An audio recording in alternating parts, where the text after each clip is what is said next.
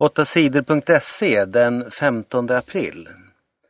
Omar Mustafa slutar i Socialdemokraterna. Politikern Omar Mustafa blev invald i Socialdemokraternas styrelse för lite mer än en vecka sedan. Men partiet fick mycket skäll för att de valt honom. Omar Mustafa är ordförande i Islamiska förbundet. Han anklagas för att ha samarbetat med människor som är kända för hets och hat mot judar och homosexuella. Många sa också att Islamiska förbundet har olika regler för män och kvinnor. Socialdemokraternas ledare Stefan Löfven sa att Omar Mustafa inte kunde vara med i partistyrelsen om han var kvar som ordförande i Islamiska förbundet. I helgen tvingades Omar Mustafa att sluta i partiets styrelse. Omar Mustafa säger att han slutar alla jobb han haft för Socialdemokraterna. Falun och Rönnby vann SM-guld i innebandy. Falun är svenska mästare i innebandy. Laget vann SM-finalen mot Dalen med 5-2. 24-årige Alexander Galante Karlström var Falus, Faluns stora hjälte i finalen. Han gjorde tre mål och avgjorde matchen.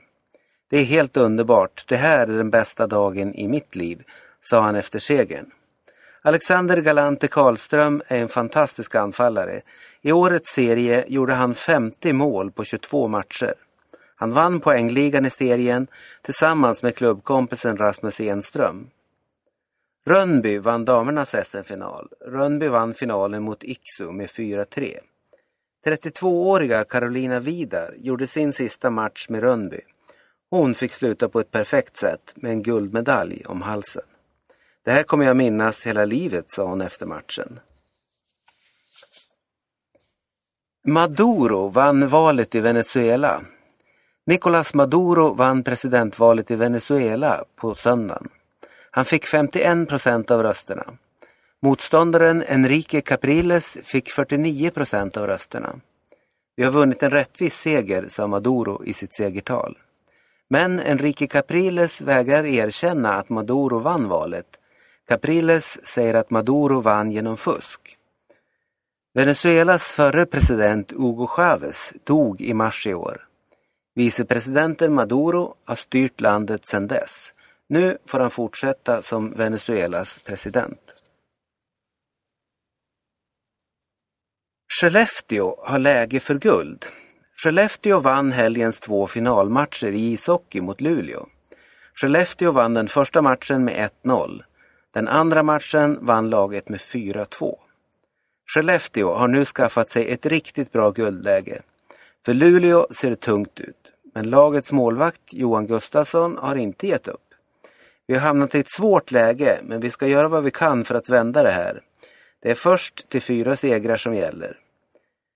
Nästa finalmatch spelas tisdag den 16 april. Inte olagligt att sälja jobb. Människor från andra länder vill gärna komma till Sverige och arbeta. I Sverige kan många få mer betalt än i sina hemländer. Men för att få komma till Sverige måste de ha blivit lovade ett jobb här. Några svenska företag har tagit betalt av folk som vill komma hit och jobba.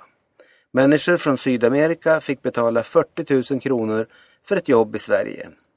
Fackförbundet Syndikalisterna hjälpte företagen. Men företagen som sålt jobb kan inte straffas. Det är inte olagligt att sälja jobb på det här sättet. Så länge företagen inte lurar den som söker jobb går det inte att straffa dem, säger polisen Sören Klerton.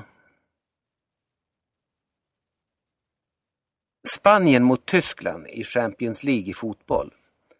Zlatan och hans lag PSG är utslaget ur Champions League. Men fotbollsfesten fortsätter. Semifinalerna i årets Champions League blir riktiga godbitar för alla som gillar fotboll. Spaniens två bästa lag möter Tysklands två bästa lag. Det blev klart efter lottningen i fredags. Vi får se Bayern München mot Barcelona. Real Madrid möter Borussia Dortmund. De första matcherna i semifinalen spelas 23 och 24 april. En vecka senare möts lagen igen. Finalen i Champions League spelas på Wembley i England den 25 maj.